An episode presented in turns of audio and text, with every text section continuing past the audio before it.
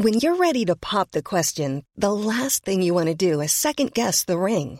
At Bluenile.com, you can design a one of a kind ring with the ease and convenience of shopping online. Choose your diamond and setting. When you find the one, you'll get it delivered right to your door. Go to Bluenile.com and use promo code LISTEN to get $50 off your purchase of $500 or more. That's code LISTEN at Bluenile.com for $50 off your purchase. Bluenile.com code LISTEN. Mom deserves the best, and there's no better place to shop for Mother's Day than Whole Foods Market. They're your destination for unbeatable savings, from premium gifts to show-stopping flowers and irresistible desserts. Start by saving 33% with Prime on all body care and candles. Then get a 15-stem bunch of tulips for just $9.99 each with Prime. Round out Mom's menu with festive rosé, irresistible berry chantilly cake, and more special treats. Come celebrate Mother's Day at Whole Foods Market. Many of us have those stubborn pounds that seem impossible to lose, no matter how good we eat or how hard we work out. My solution is PlushCare. PlushCare is a leading telehealth provider with doctors who are there for you day and night to partner with you in your weight loss journey. They can prescribe FDA-approved weight loss medications like Wagovi and Zepbound for those who qualify. Plus, they accept most insurance plans. To get started, visit plushcare.com slash weight loss. That's plushcare.com slash weight loss. Två, Två, tre, tre, Tre, fyra, fyra, fem. fem. Alltså skojar du Fredrik?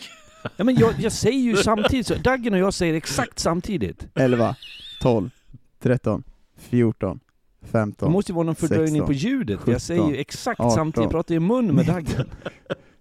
Kör Det bara, kör. alltid ska vara så här varenda vecka. Jag har, kört- jag har kört hela säsongen, fortfarande lärt att trycka på eh, rätt tid. Där ja. Eh, vi Det kör är väl nerverna i fingret så här.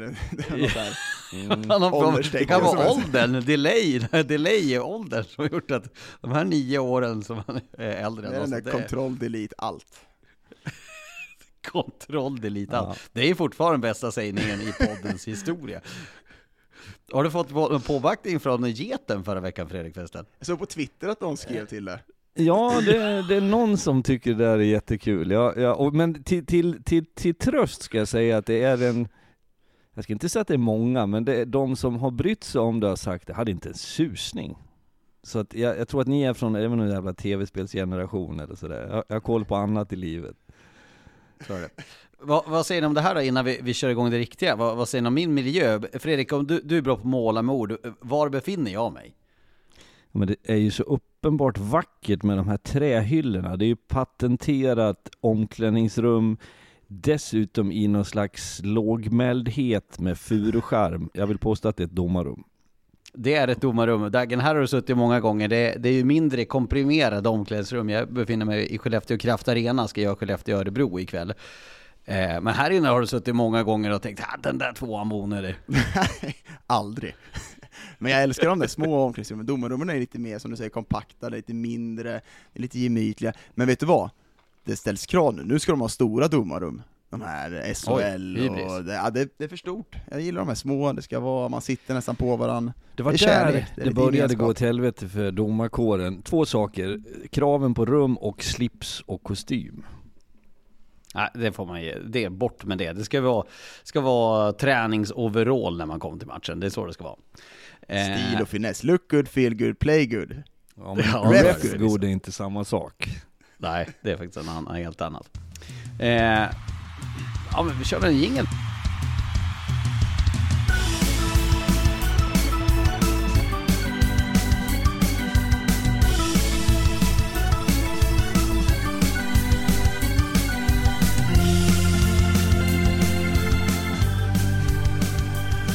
Välkomna ska ni vara till ett nytt avsnitt av eh, Ringside. Och eh, när vi nu ska prata om hockey så kommer vi purfärskt från eh, en eh, superlive igår som ju verkligen var en superlive.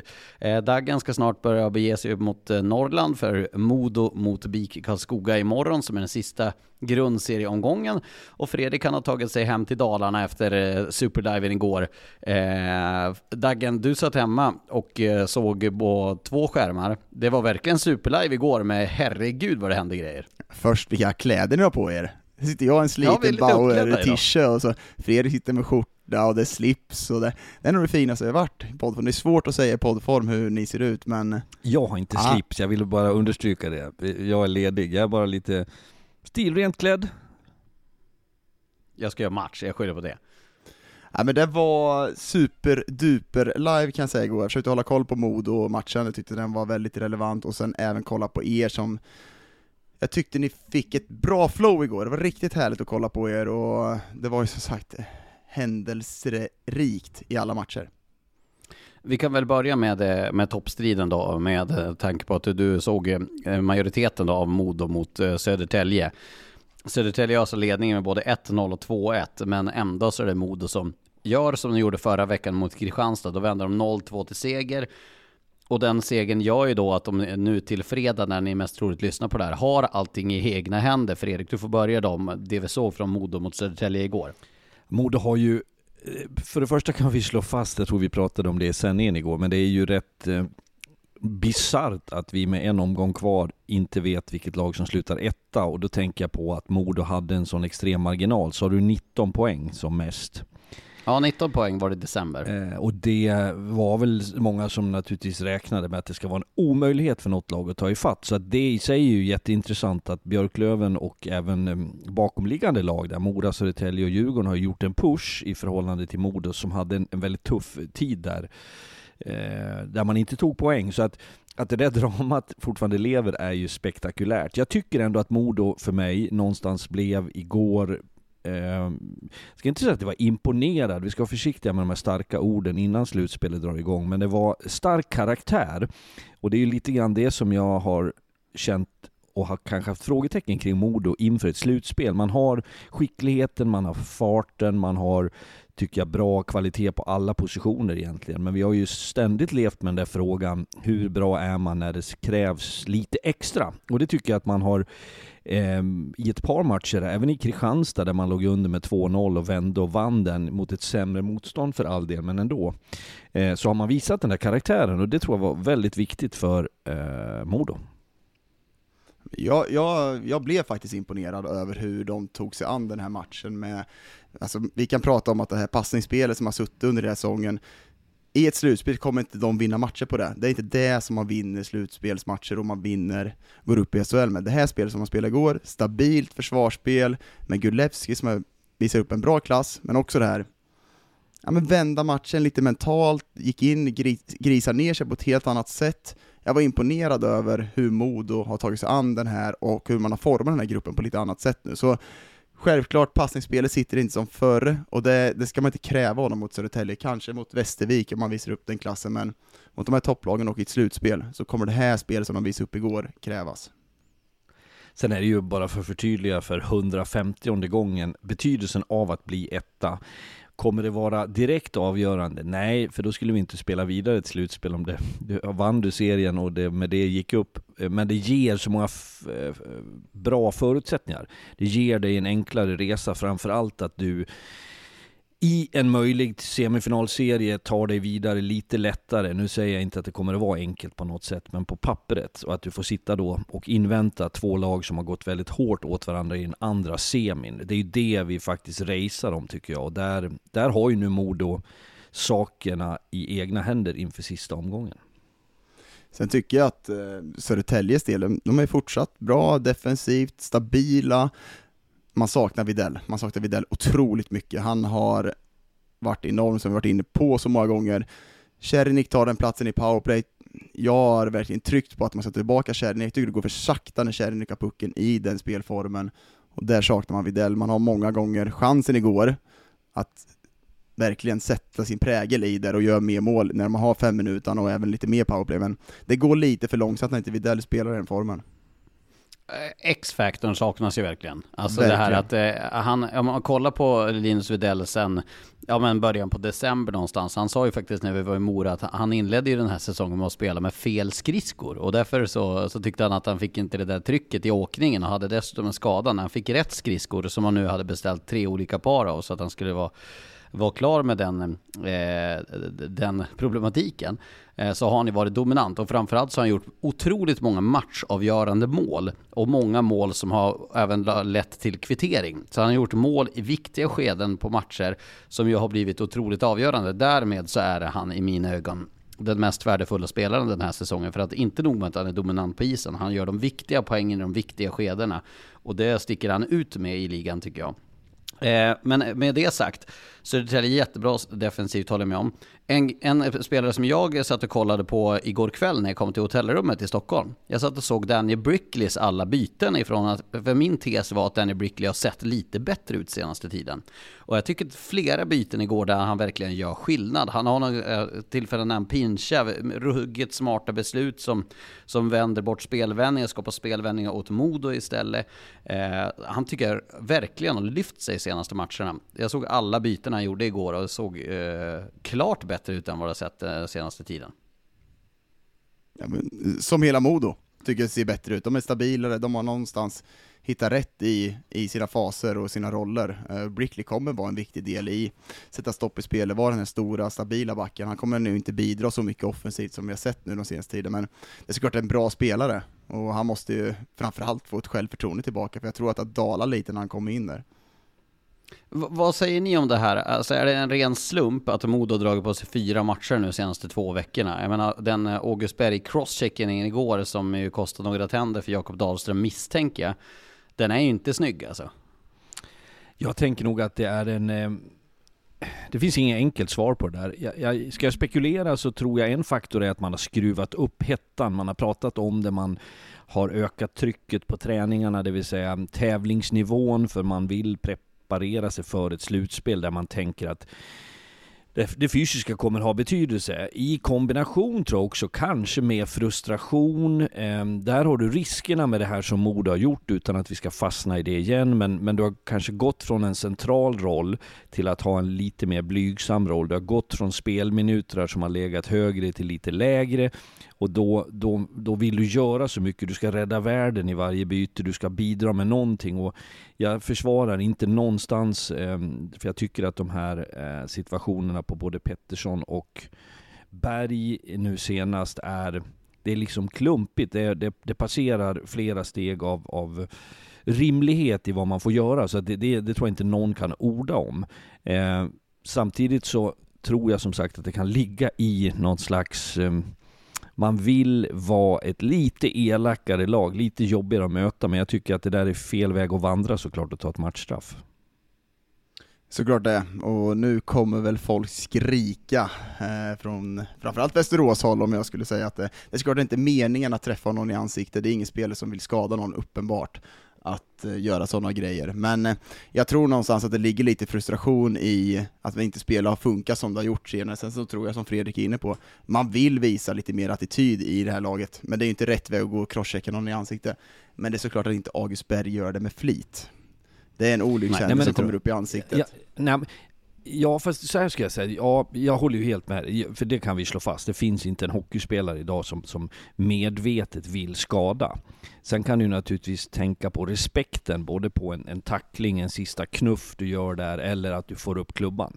Det, det är väl att frångå någon slags rimlighet i det, och det gäller ju inte bara modespelare, det gäller ju alla hockeyspelare. Så det, det är ju mer på klumpiga konto, tycker jag. Så är det verkligen, så är det verkligen. Sånt kommer hända och det kommer alltid hända och på något sätt så, det är fel. Det, det kommer vara en avstängning och vi har varit inne på att jag har haft en crosschecking som har tagit i ansiktet många gånger, jag har fått crosscheckingar mot mig. Det är inte av mening, det händer, eh, någonstans ska det vara avstängning och det skulle vara mina saker också. Fredrik viftar här nu med pennan. Nej men jag är bara nyfiken, för, för du pratar om, om vad du har gjort för eh, dumheter och det får ju vara en egen poddserie i sånt fall, förlåt mig eller någonting. Men jag vet ju att du är, har en ansträngd relation till Västerås. Eller rättare sagt det omvända, Västerås har en ansträngd relation till dig. Kan, kan du eh, berätta att du fortfarande får en del eh, sämre kommunikation från det hållet? Ja men jag får mycket mycket från Västerås på grund av en krossning han gjorde på Fredrik Johansson i, i slutspelet för några år sedan.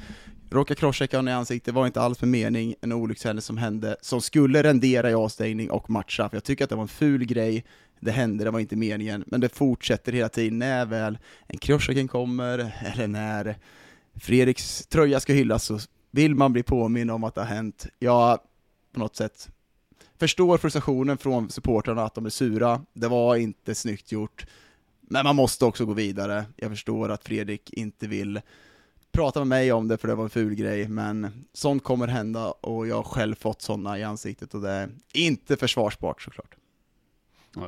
Och, och som ni var inne på, de är väldigt sällan med mening. För det är som du säger, jag tror inte heller att August Bergs crosschecking, det är väl oftast det att du vill trycka till i bröstet och så sen glider du upp eller någonting. Det är väl oftast någonting sånt som det gör att eh, det blir i ansiktet. Sen kommer det bli en stor, eh, ganska hård avstängning på den där tror jag. Det, sådana typer av saker brukar man vara ganska hård på från disciplinämnen, så det kommer nog bli en lång avstängning från Berg. Ja, det tror jag också. Vill, vill, ni höra en liten take som jag har gått och klurat på lite grann gällande Modo med det här hur man rockar om i laget? Som jag, jag har aldrig tagit upp det i podden, men jag tänkte att jag kunde eh, testa den lite grann på er. Vill ni höra? Kör på. Kör. Eh, det är ju så att de som har blivit lidande nu eh, i eh, Modo, Modo av att man har tagit in Vela, man har tagit in Halloran, man har förstärkt och man har adderat spelare. Jag tror så här att de som har blivit åsatta åt sidan på grund av det här, det är ju Oskar Pettersson, det är Erik Ginesjö Karlsson och det är några spelare till, kanske Niklas Folin och, och så vidare. Det, det är min take på, är, är på det här och jag har inget liksom för att slå fast det, men jag tror att det är så här här. För det lilla jag har lärt känna eh, på, på Modo de här senaste åren, det är att Oskar Pettersson, Erik Ginersjö Karlsson och, eh, och Niklas Forin har ganska starka röster i omklädningsrummet. Och är det någonting jag har lärt mig det är det att vissa spelare i vissa lag har en eh, olika stark röst och det är olika jobbigt för en tränare beroende på hierarkin i laget hur stark röst den har som blir satt åt sidan. Jag skulle kunna ta ett exempel att eh, till exempel Alex Hutchins i Björklöven tror jag har en väldigt stark röst i, i det nordamerikanska lägret i Björklöven. Skulle han bli åsidosatt och bli behandlad illa eh, och eh, hamna i frysboxen, då tror jag att det hade fått följdeffekter att det skulle bli mer jobb för tränarna att de skulle vara tvungna att liksom kompromissa mot en spelare som har en stark röst. Daggen, skulle du bli satt åt sidan och känna dig felaktigt behandlad av en tränare, då hade du en väldigt stark röst i Karlskogas omklädningsrum är jag rätt övertygad om. Att det blir jobbigare och därför har det blivit sådana här problem i Modo. Att det är starka röster i omklädningsrummet som blivit satta åt sidan och fått hoppa ner i hierarkin. Det är min take på Modo. Det är det som jag tror har varit bekymret. Ja, jag, jag förstår hur du resonerar. Eh, jag har inte de ingångarna eh, och jag tycker det är ganska vettigt att inte sannolikt någon av oss vet exakt hur det ligger till. Men ditt mm. spekulerande kring det kan jag bekräfta utifrån en tränares perspektiv att vissa spelare är lätthanter mer lätthanterliga än andra. Vissa har en större status, sen kan man ju blanda in de här sociala kopplingarna som också sker i varje grupp. att det här är min bästa polare, hans eh, sambo umgås med min sambo, han får inte spela när den här nya spelaren kommer in, då är hans eh, fruga lite kinkig till min. Alltså det, det, ibland låter det som en, eh, en förskola för vuxna människor, och det är det. Och det är ju Men det är vilken, människor vi handlar om? Ja det är det, på vilken arbetsplats som helst, så att det är tveklöst så att det är ju en av faktorerna när vi har pratat tidigare under säsongen, vad sker när man plockar in det här? Och jag, jag vill inte låta som att jag det var det jag sa, för det, det menar jag inte, du har, du har ett annat resonemang i det här, men det här är ju en del av den komplexa frågan när du eh, splittrar en grupp som kanske fungerar på ett bra sätt och sen plockar du in någonting så får det rubbningar. Sportsligt, konkret i det spelmässiga, men framför allt i gruppen. Och det, sen vet jag inte om det är något annorlunda i Modo än i någon annan, eh, eller så. Nej men det är såklart att det, att det kommer rubbas eh, dynamiken i gruppen. Det är självklart. Sen har, har vi, vi har varit inne, inne tidigt också att vilka, man, vilka spelare rubbas man, vilka tar man bort? Det är viktigt att kolla på de här typerna. Och, men det gäller också som spelare att liksom vara stark, liksom, ja men då ska jag bevisa, någonting ska jag bevisa, jag ska vara i det här laget, jag ska spela. Det gäller liksom, fan, du är på elitnivå här, Hockeyallsvenskan, de ska gå upp, Modos mål är att gå upp, det har de vetat sedan säsongstart då kommer det bli konkurrens. Då måste man kunna ta den konkurrensen också. Så det är upp till spelarna också, liksom vara lite, ja men lite, nu jäklar ska jag köra här istället. Det sades ju från HV71s håll förra säsongen att det hade funnits en extrem tydlighet tidigt eh, inför säsongen. När man trillade ur så sa man nu kommer vi att bygga eh, för att ta oss tillbaka med detsamma. Det kommer innebära en del konsekvenser för er som spelar här. Och det sägs, jag kan bara gå på grundat på vad någon spelare sa till mig, men också från ledningens håll, att man hade, man hade ju klargjort det där på ett, på ett extremt tydligt sätt. Det säger man ju också att Modo har gjort och jag tror att det förekommer i många lag. Sen är det alltid en fråga om ledarskapet. Det finns bättre och sämre tränare, sportchefer och ledare i stort. Det finns likadant på spelarsidan. Så det som man kan eh, summera det här med, det är ju att det är ju väldigt ofta så att ett framgångsrikt lag, eller en grupp av människor, är eh, alltså det kännetecknas av gruppens totala liksom, samlade styrka. Och det som jag tycker har blivit mycket intressant i mitt huvud de senare åren, även när jag var tränare aktiv, det var betydelsen av förmågan att ställa krav på varandra i gruppen. Och bara jag ska dra en kort parallell. När jag jobbade i Schweiz i två säsonger som ett exempel på en kultur som ser annorlunda ut mot det svenska så fick jag jobba väldigt hårt med att få dem att vara kravställande gentemot varandra. Och, och som ett komiskt exempel på det så uttryckte jag mig vid upprepade tillfällen någonting i stil med att you have to punch each other in the face. Då menade jag eh, verbalt, alltså att vi måste vara tuffa. Om min backpartner sätter mig i skiten så måste jag våga ta honom honom. Om jag har en forward som inte backcheckar så ska jag fan ställa krav på honom. Och sen hamnade vi i någon eh, resonerande tuff eh, diskussion i gruppen varpå den äldsta spelaren och tillika kapten sa att ja men för då hade det varit någon, någonting som skedde på en träning. Då sa men det är du som har sagt att vi ska slå varandra på käften. Och då fick jag säga, men jag menar ju inte fysiskt, jag menar inte att du ska klappa till någon, utan jag menar att man ska ställa krav. Och det här, det här är ett stort ämne som inte vi kan prata så länge om, men jag tror för att koppla det Lars till vad du pratar om, så är jag helt övertygad om att vägen ut ur det här för mod, om det nu skulle vara som du säger och tänker, är ju att de starka krafterna i gruppen, när Karlin och Holmström och Sundell och Gradin lämnar lämnar omklädningsrummet, att de driver gruppen framåt. Det är ju det som du Dagen har varit del av ett ett liksom omtalat kollektiv i, i Karlskoga som kanske inte riktigt lever så längre och det var inte fem år sedan, det var kanske 10 och 15 år sedan som den var stark, den mentaliteten. Men det har ju förändrats. Det har ju förändrats inte bara i Karlskoga. Ja, det, och det, det är väl självklart det kommer jag. Jag vet att bara att vi har ju alltid drivit gruppen framåt på ett sätt som du beskriver, Fredrik, att det är vi som sätter kraven, ja, men tränaren behöver inte alltid gå in i omklädningsrummen när det ser dåligt ut, det tar gruppen, och då, då tar man åt sig på ett helt annat sätt. Tänk till exempel om Modo, nu med Ginesjö Karlsson, OP, de bara knyter näven, visar på träning, om det här är ett problem. Nu, som sagt, vi vet ju såklart inte om det är det, men att de knyter näven, visar, ja men vi ska göra något större här, vi ska gå upp. Då får man effekt på det.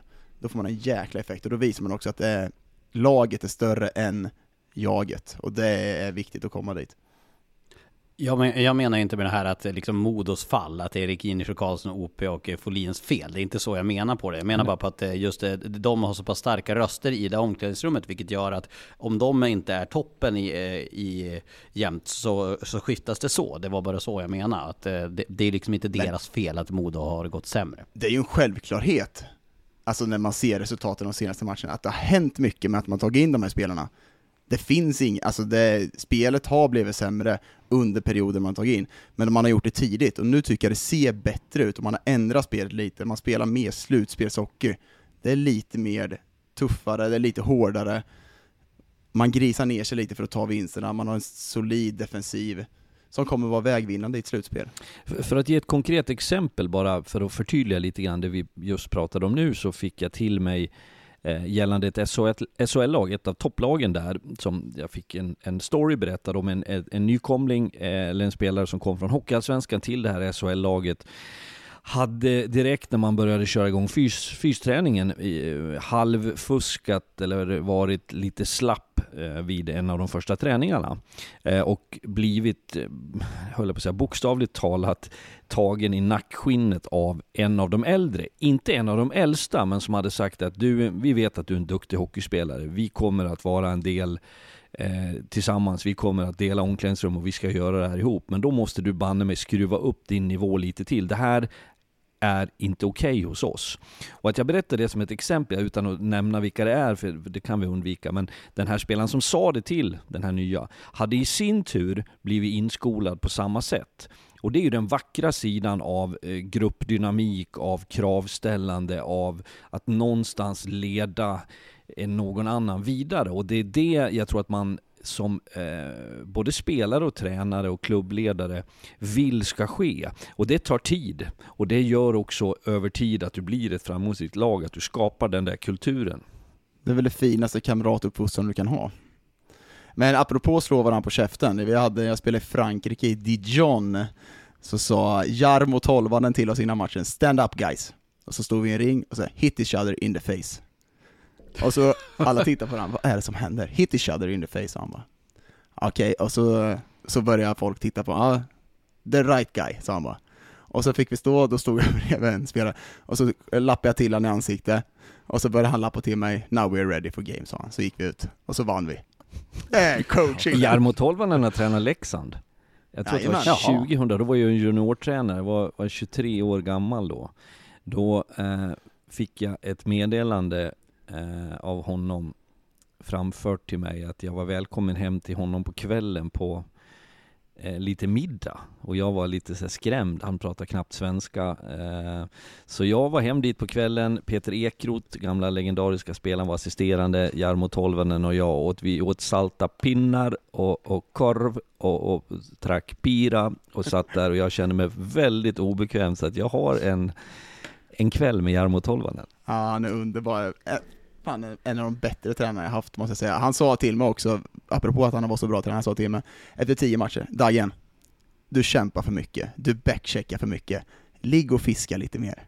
Det gillar jag. Det var, då släpper det. Jag har fan aldrig sagt till en spelare. Eh, nu, nu tycker jag att vi går vidare när vi eh, nästan eh, närmar oss halvtimmen här om eh, Modo-matchen mot Södertälje. Jag tänker att vi ska prata lite grann om Björklöven då också som ligger tvåa i det där toppracet och det lever ju minst sagt till på fredag imorgon när ni lyssnar på det här, eller idag. Eh, och det är eh, noterbart att eh, nu har ju Modo det fortfarande i egna händer. Björklöven möter Södertälje borta, Modo möter Karlskoga hemma. Men Björklöven stökade ju minst sagt av Västervik igår. Poli fyra poäng, Weigel tillbaka i powerplay, såg riktigt vass ut igår. Eh, Poli eh, fyra poäng om jag inte sa det, Kilke också. Och Jakob Olofsson eh, börjar producera. Jakob Olofsson har ju sett riktigt, riktigt bra ut offensivt den senaste tiden. Vad säger vi om det, att Löven åker på hemmaplan och vinner starkt med 7-1? Det, det, säger väl inte så mycket om vart, eh, det säger väl mer om vart Västervik är just nu tycker jag. Sen att eh, offensiven skiner i det här Björklöven. Jag tycker att Pulu och Schilke blir så mycket bättre när Weige spelar i 5 mot 5 spelet också. Då syns de mer. Förut tycker jag Pulu och Schilke, de har gjort sina poäng. De kanske inte har bidragit med att få energi till lag i 5 mot 5 spelet, för det kanske inte har suttit riktigt. Weigel tillbaka in där, man ser det här leendet på Weigel också, han får njuta och spela hockey igen. Tycker den kedjan blir mycket, mycket bättre också. Sen när Weigel kommer tillbaka, då blir det också längre ner, konkurrens där nere, laget blir bättre, de får en bättre offensiv. Och de ser ju eh, fruktansvärt bra ut i dagsläget. Kan flika in där också att eh, eh, Jerry Fitzgerald klev av från matchen igår och eh, man trodde att han var skadad men nu såg jag rapporter här på, på förmiddagen att eh, han tränade i, idag torsdag så det var ingen fara. Joel Mustonen stod över träning där men Eh, ska tydligen inte vara någonting att han riskerar att missa spel utan vila bara från träning. Det innebär ju att Björklöven har egentligen alla att tillgå och bara ha en sån sak inför ett slutspel. Det är Oliver Johansson de saknar egentligen och Jesper Lindgren då som har varit skadad hela säsongen. Men hans säsong är ju med, med all sannolikhet över. Men förutom det, full trupp. Det är ju ändå starkt att eh, få tillbaka alla just i det att slutspel ska dra igång. Det finns ju ingenting som är bättre än att komma ner eller in i omklädningsrummet inför ett slutspel när träningarna ska göras här kort och rappt och se den där bredden som, som man eh, har byggt det för, såklart. Sen att det kommer att hända saker också genom ett slutspel är ju högst rimligt. Förhoppningsvis gäller ju alla lag och spelare att inte det är något allt för allvarliga saker, men att du har ju en hyfsat lång bänk, det finns kandidater, det finns spelare som kan vara redo. För Björklövens del så, så ser det ju väldigt ljust ut. Man har gjort en, en fantastisk push i, i tabellen också. Vi var inne på det när vi pratade Åtta raka segrar. Ja. Så att eh, det är, de är redo i, i Umeå, det är ju inget snack om saken en bara inflikning där, alltså att Jesper Lindgrens säsong är över. Han har ju faktiskt tränat här nu senaste tiden och eh, jag läste på lokaltidningen där att eh, han har ju varit med på ispassen i röd tröja och inte varit tacklingsbar. Eh, men har ju tydligen börjat skjuta och göra lite skott och passövningar och även försvarsövningar. Vilket gör att det är väl så man börjar testa en axel men, efter en skada. Nu har jag haft en axelskada, men det kan vara värt bara att nämna i en nyhetsperspektiv. Till ditt för, eget försvar Lars, så sa ju du inte att det var över, du sa att det sannolikt var. Så att det, det, ja, det är mer ett korrekt... Eh, brasklapp. Ja. Eh, men det är väl jo, den typen Marcus, av back Marcus, man skulle kunna Marcus få in. Vela var träna Eh, också för Modo kan jag bara flika in. Nu ju, sorry Dag. Nej men det är väl den backen man kanske kan sakna lite på backsidan. En typ, den typen av utpräglad offensiv. Sen tycker jag Kim Johansson och de här har varit bra när de har vikarierat för honom under hela säsungen. Och sen Rahimi, han dunkar in, han slår ju poängrekord i år. Så det han finns målbäst i eh, Björklövens backar. Ja, han har gjort, gjort hur mycket assist som helst också.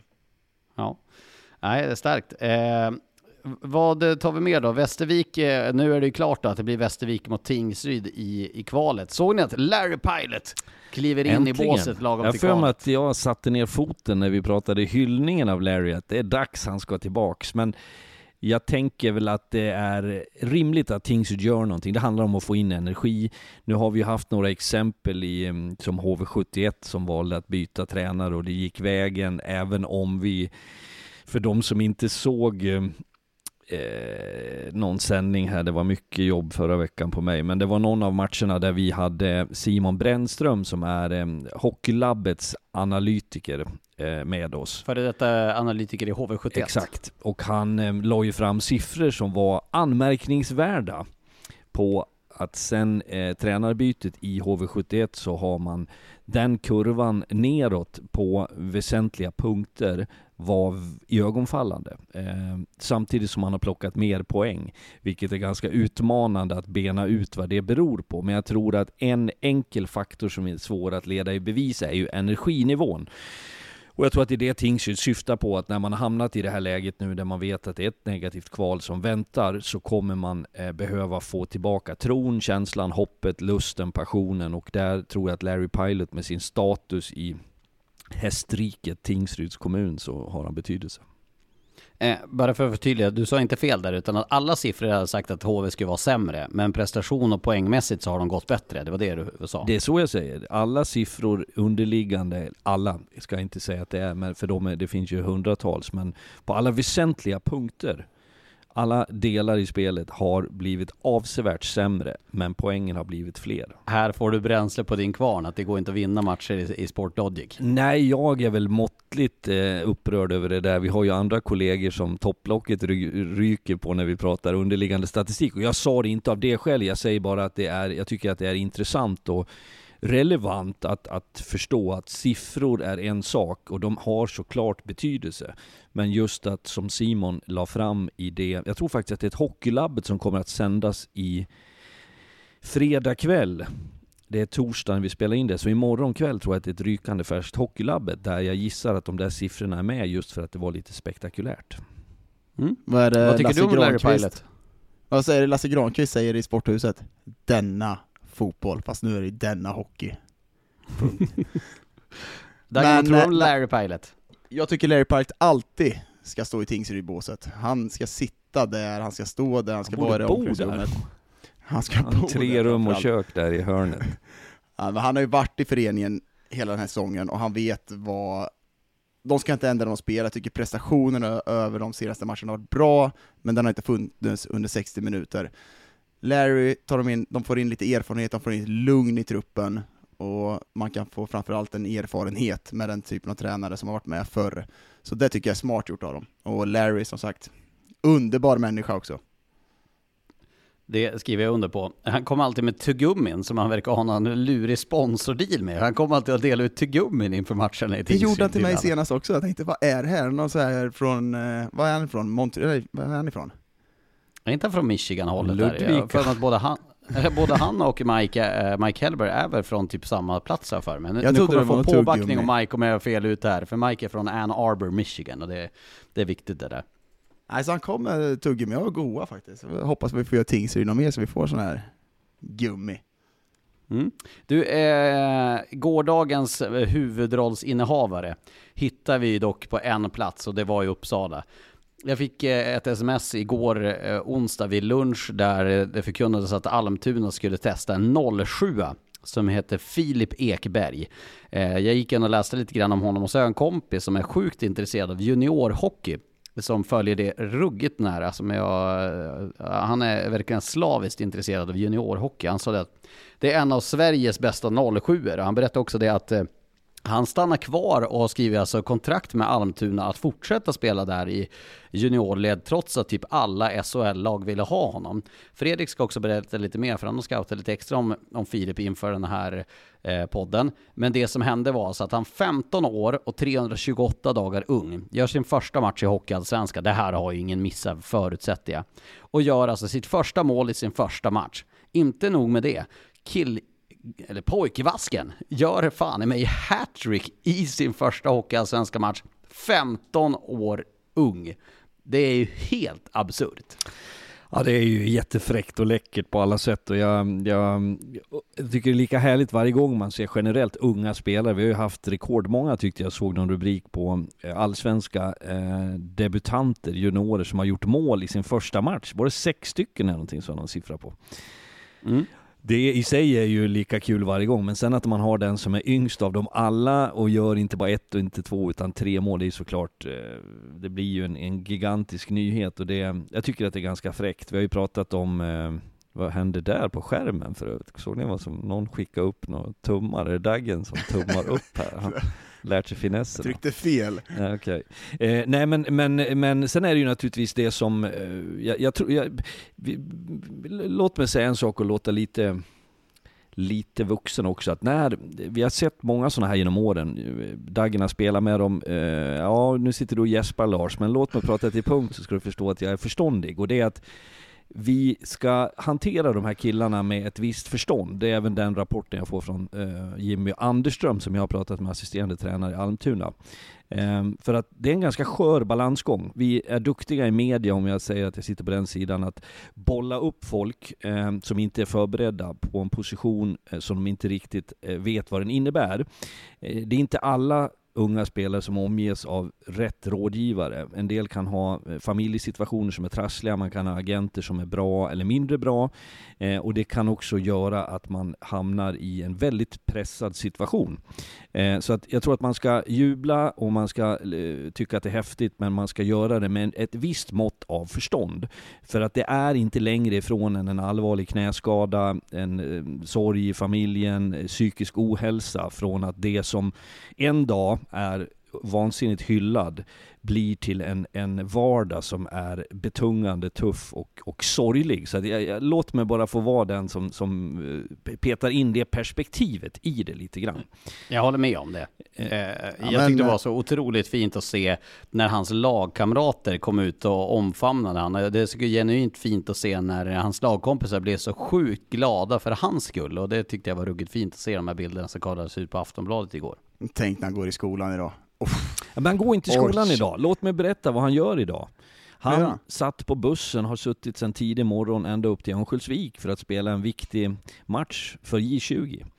Och det älskar jag att se, att man inte går från tre mål igår till att vara kung på någon lokal pizzeria i någon förort till Uppsala, utan han är inne i spel direkt med J20 och det tycker jag också är bra. Men låt mig bara, eh, för att förtydliga bilden, vi pratade ju Lars om, kan vi få lite mer känsla? Jag pratade med Anderström i Almtuna som, som lät meddela, eh, pratade om honom lite grann. Han pratade om hans, hans exceptionella sinne eh, för hockeyn. Det här att han kan bedöma och förstå vinklar och Eh, positioner på ett sätt som, som, som inte alla har. Det är någon slags gåva som man kan försöka mm, hitta en benämning på.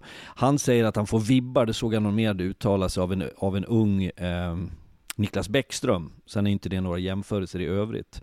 Det som jag gläds av och får till mig av Anderström var att han, det här att han verkligen älskar hockey. De har ju snarare fått bromsa honom. Han skulle kunna vara på is 7-8 timmar om dagen för att han verkligen älskar det.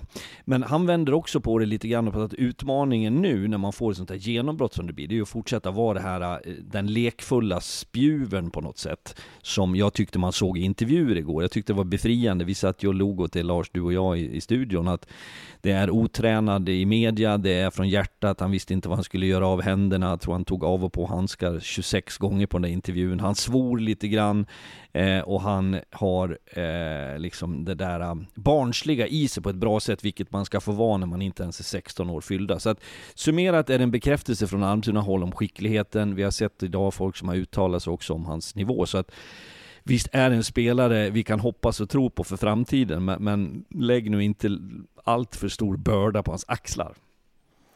Nej, jag tror att Fredrik är det, men det är såklart att det är coolt att han får göra hattrick i första matchen, herregud alltså.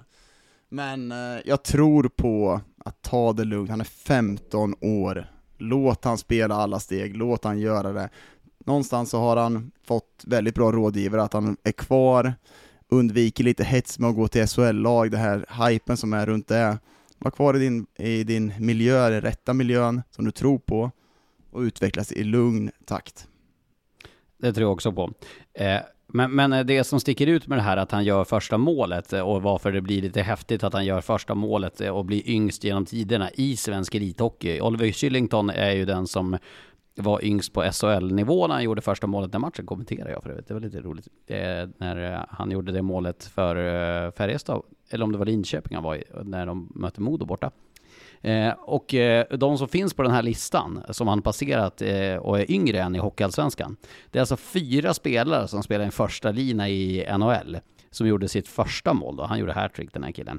William Nylander, David Pasternak, sen har du Mikael Backlund, Filip Forsberg, som finns på den där listan och även då Nils Höglander och Rasmus Andersson. Och sen då Dalibor Dvorsky och några fler. Så att det, det är fina namn på den listan som han har varit yngre än när han gjorde sitt första mål, men killen gjorde hattrick jag tycker också som du säger Daggen, det är smart att stanna kvar i Almtuna och en, eh, en fjäder i hatten för Almtuna att man får behålla en sån här talang och visa det att de har ju ett J20 superelitlag. De har en bra röd tråd Almtuna som man kan bygga vidare på. Verkligen. Det är, det är starkt och det visar ju klass. Vi pratar Oskar Asplund också till exempel som går väldigt bra som också kommer genom egna leden. Och jag ville bara dra en slutsats av det där att eh, med väldigt få undantag så alla framgångsrika spelare som jag har träffat på genom mitt liv, unga som äldre som jämnåriga, har ofta samma slutsats, att de har vandrat rätt väg. Att, att det går att, att hamna snett om du för tidigt lockas av att kanske gå till en SHL-klubb, få en väldigt blygsam roll, eller du åker över Atlanten och hamnar där trots att du kanske socialt inte är redo för det. Men de som blir bra, de har liksom på något sätt fått lite käftsmällar efter vägen, de har gått på lite minor, de har hittat rätt, de har blivit eh, coachade på rätt sätt och de har själva tagit ansvar för sin resa och det, det är det som gör dem bra. Så att det, intressant är ju hur som helst att följa eh, Filip Ekbergs eh, framtida karriär. Many of us have those stubborn pounds that seem impossible to lose, no matter how good we eat or how hard we work out. My solution is PlushCare. PlushCare is a leading telehealth provider with doctors who are there for you day and night to partner with you in your weight loss journey. They can prescribe FDA-approved weight loss medications like Wagovi and Zepbound for those who qualify. Plus, they accept most insurance plans. To get started, visit plushcare.com slash weight loss. That's plushcare.com slash weight loss. Hey there, it's Michelle Norris. I'm host of a podcast called Your Mama's Kitchen. When I travel, I'm usually looking for a way to find a taste of home when I'm not at home. And one of the things I love to do when I am at home is entertain. And Airbnb allows me to do that. When I was in California recently, I rented a house that had a great kitchen. And when we were sitting around the table, we we're all thinking, we're in someone else's house. Someone could be in all of our homes as well. If you have a home, but you're not always at home, you have an Airbnb. Your home might be worth more than you think. Find out how much at airbnb.com/slash host. Mom deserves the best, and there's no better place to shop for Mother's Day than Whole Foods Market. They're your destination for unbeatable savings, from premium gifts to show-stopping flowers and irresistible desserts. Start by saving 33% with Prime on all body care and candles. Then get a 15-stem bunch of tulips for just $9.99 each with Prime. Round out Mom's menu with festive rosé, irresistible berry chantilly cake, and more special treats. Come celebrate Mother's Day at Whole Foods Market. Det är. Eh, vi säger också att vi ska konstatera att vi har en eh, duell om både tredje, fjärde och femte platsen i Hockeyallsvenskan. För Mora avslutade sista matchen två poäng före Södertälje som är fyra och två poäng bakom det har vi Djurgården som heter Östersund borta. Vi vet att eh, Södertälje, de har en tuff match. De möter Björklöven hemma i sista. Så även tredje, fjärde och femteplatsen, där kan det bli skiftningar. Och för Djurgårdens del, en seger mot Östersund, samtidigt som, Östersund, eh, som Södertälje har en tuff match, så spelar man med hemmaplansfördel i en kvartsfinal också. Bara det kan ju vara av vikt att eh, få spela inför Hovet som kan vara fullsatt till en kvartsfinal. Så det känns ju som det är av vikt i sista omgången också. Och att kanske Djurgården eller Södertälje kanske undviker varandra i en kvartsfinal, för det, det är såklart att den matchen kommer bli hetare än om de skulle möta Mora eller Karlskoga. Det blir, det blir en helt annan match, det kan leva ett helt annat liv. Så det, det är viktiga positioneringar här imorgon som kommer vi kommer verkligen ha koll på tabellen, det är precis som Superlive, vi får hela tiden uppdatera. FM, FM om du vet vad det är Fredrik? FM. Eh, jag tror ja, jag, Fredrik, vad är F5? Vad är F5? Jo, det är en knapp på datorn, men om ni är så old school så ni tror att det är det man gör i tv-daggen, då är du snett ute. Här har vi men grafiker. Vad, det, vad, vad, vad, betyder det när daggen säger F5? Ja, men då är det väl uppdaterad då gissar jag. Men Oj, kolla han har koll. Helt Jag tänker bara att eh, jag gick en riktig skolgång sådär. Jag gick inte något datorprogram som ni har gått. Nej, livets hårda skola kanske det heter. Ja, det är den. Nej, det blir, ett, det blir ett race det där. Eh, vi vet också att Östersund och eh, Kristianstad, de avslutar säsongen imorgon, sen kan de fetta in grejerna. Men Kristianstad klarar ändå kontraktet i sista matchen. Vi såg ju Mikael Gate var ju väldigt lättad. Och han sa ju också i intervju efter matchen igår dagen att han, det har varit en rejäl press, att den, den har tärt på honom, det här att eh, ovissheten av att de skulle klara kontraktet. Ja men de har ju varit lite hypade i år och det är väl, jag tycker ändå att med all rätt med det vad de har varit de tidigare säsongerna. Sen har de ju verkligen inte hittat rätt. Jag tycker att om man kollar på deras spel så finns det någonting bra, men det, det har verkligen saknats en spets i det här laget som verkligen kan trycka dit pucken och vara den här skillnaden. Det har inte funnits i Kristianstad och därför ligger man där man gör. Jag tror att det var så här att det som skedde efter förra säsongen som var eh, orimligt bra i förhållande till deras förutsättningar var ju att förväntningarna ökade lite för mycket. Vi ska komma ihåg att, att Kristianstad är fortfarande en liten klubb med begränsade resurser och förutsättningar. Jag vet att vi var på plats ett gäng matcher förra året i Kristianstad och fick en del bra och nyttig information av Tott Lotte som är klubbchef slash massör slash allt i allo, en sån där allt. kraft som är galet viktig för en klubb som Kristianstad. När jag hörde om kostnadsbilden, det här faktum att de aldrig flyger, de åker buss kors och tvärs, slutspelet förra säsongen när de hade Modo i en kvartsfinal så var det ju fram och tillbaks mellan Kristianstad och Örnsköldsvik eh, i buss. Det var inte några lyxiga hotellnätter, det var inga flygningar. Så att jag tror helt enkelt att de eh, rycktes med, så kan det bli, lite grann av förhoppningarna som fanns på Kristianstad inför det här året. Och vi har ju berört dem en del om deras sätt att spela på som har varit ganska kostsamt, men ineffektivt. Och då pratar jag kostsamt i form av fysiskt, man har jagat, man har pressat, man har skapat, men man har inte gjort mål. Så att de eh, hamnade ju i det här läget och jag tror att det var väldigt befriande för dem att klara av det nu eh, med en omgång kvar. Dock ska jag tillägga en sak, jag tror att det kan vara, det låter lite galet, men det kan vara rätt hälsosamt det här för Kristianstad för, för framtiden. Nu får de landa lite grann, de får, får en lite mer lågmäld framtoning per automatik nästa säsong. De får chansen att se över sitt bygge. Man levde förra säsongen på transatlanter som var eh, över, eh, över sin förmåga någonstans och kanske över vad de betalade för. Nu får man landa lite grann, sortera in i truppen. Vad ska vi ha för, för trupp? Vad ska vi ha för spelidé? Hur ska det här gå ihop sig? För att jag tror inte att det är för mig är inte Kristianstad någon som vi ska på förhand nu i mars början prata om att de ska vara topplag säsongen 23-24. Jag tror att Kristianstads väg att gå är att bygga en organisation som blir starkare än någon. De måste bli, stärka upp det här för att få en bättre ekonomisk bild, de måste liksom att börja jobba med spelartrupp, visst det måste man börja göra, men du måste sätta en organisation som blir starkare, som kan bygga lite muskler, Men- så man kan ta nästa steg. Nej men det, det är ju, du är ju rätt ute på att man behöver göra någonting i Kristianstad. Eh, man behöver utveckla sin organisation naturligtvis och du kanske eh, kan förtydliga vad du menar med det. Men det är ju också en svårighet, man har en ungdoms och juniorsida som inte är i paritet med det som det blev förra säsongen i Kristianstad när man plötsligt var i ett slutspel mot en SHL-plats. Så att det här är ju sånt som tar tid och det här kanske också förtydligar lite grann den här klyftan som vi har i svensk hockey. Eh, där allsvenskan tycker jag den här säsongen har visat på den i full blom. Det vill säga vi har ett gäng topplag med förutsättningar i form av arenor, juniorverksamhet och så vidare. Eh, Medan de mindre klubbarna får slita ohyggligt hårt för att ta rygg.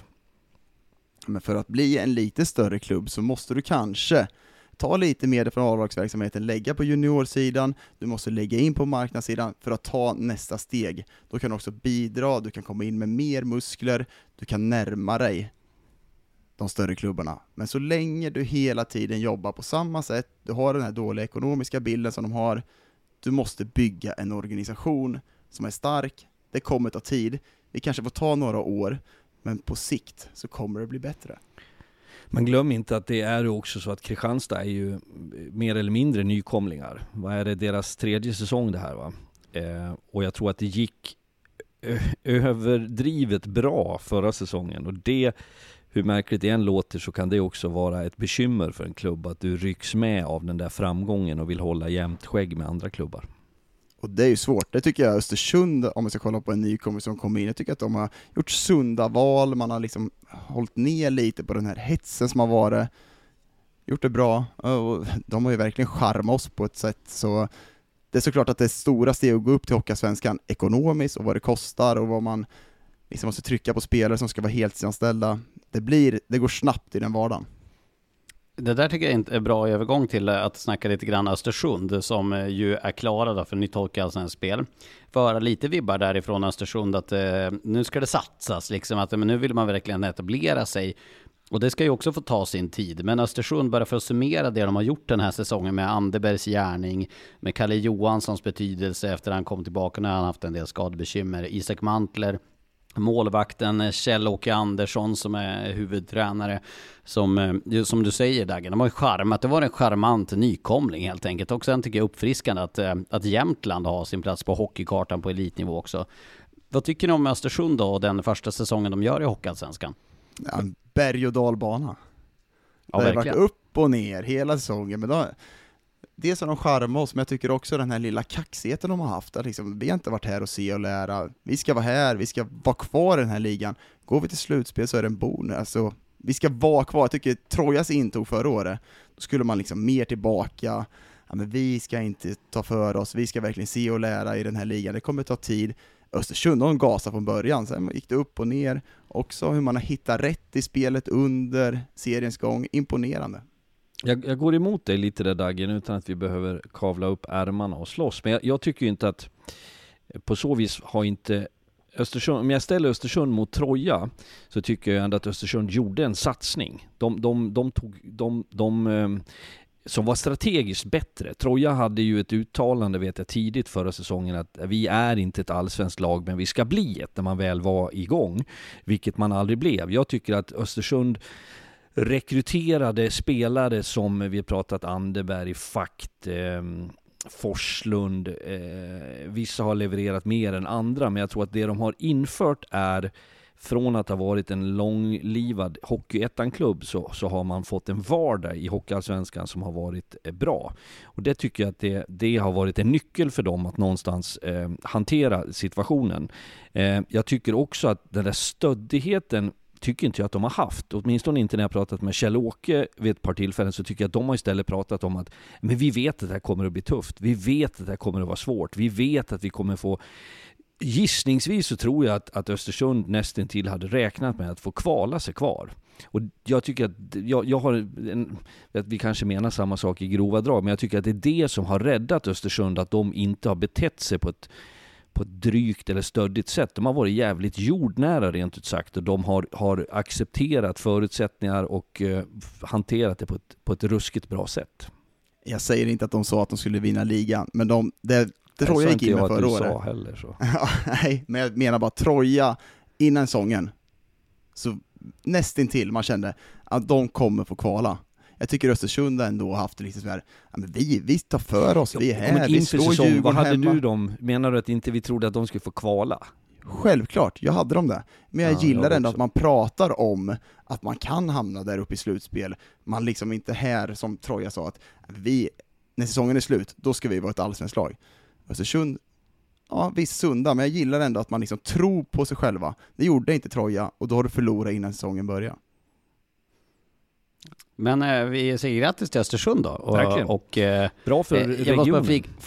Ja, det verkligen. Och, och Jämtland, där republiken, de ställde sig bakom. Det var en lite rolig, när jag flög eh, upp till Norrland nu i, i morse så, så såg jag Östersund stod i kö där, du vet på morgonflyget när man ska igenom säkerhetskontrollen. Då stod de, det var 25 minuters kö och de stod långt bak och jag såg många stod och eh, kollade på klockorna om de ska hinna med sitt flyg som gick 8 och 10 och jag passerade dem där vid sjutiden och då såg de lite stressade ut om de skulle få sig igenom och hinna med sitt flyg. Då såg jag faktiskt stod där i kön, jag slank igenom på min fast track och eh, kollade lite grann på dem och sa nej, nu får de stressa på här, får se hur det där går. Men faktiskt eh, fakt såg stressad ut i kön ska jag säga. Det, det var vad jag såg. Men där kan vi ändå konstatera att det är ett framsteg för det är inte så många år sedan, jag minns en gång Boden, eh, när de var i Hockeyallsvenskan och sen senare Alm, eh, Asplöven som då använde flyget mycket Stockholm till Luleå, där inte alla fick åka med alltid. Man hade inte råd att köpa 25 eh, ordinarie biljetter, utan det fanns ett system då också där du hade sådana här eh, vet, sista sekunden biljetter eller till och med för under en viss ålder. Så att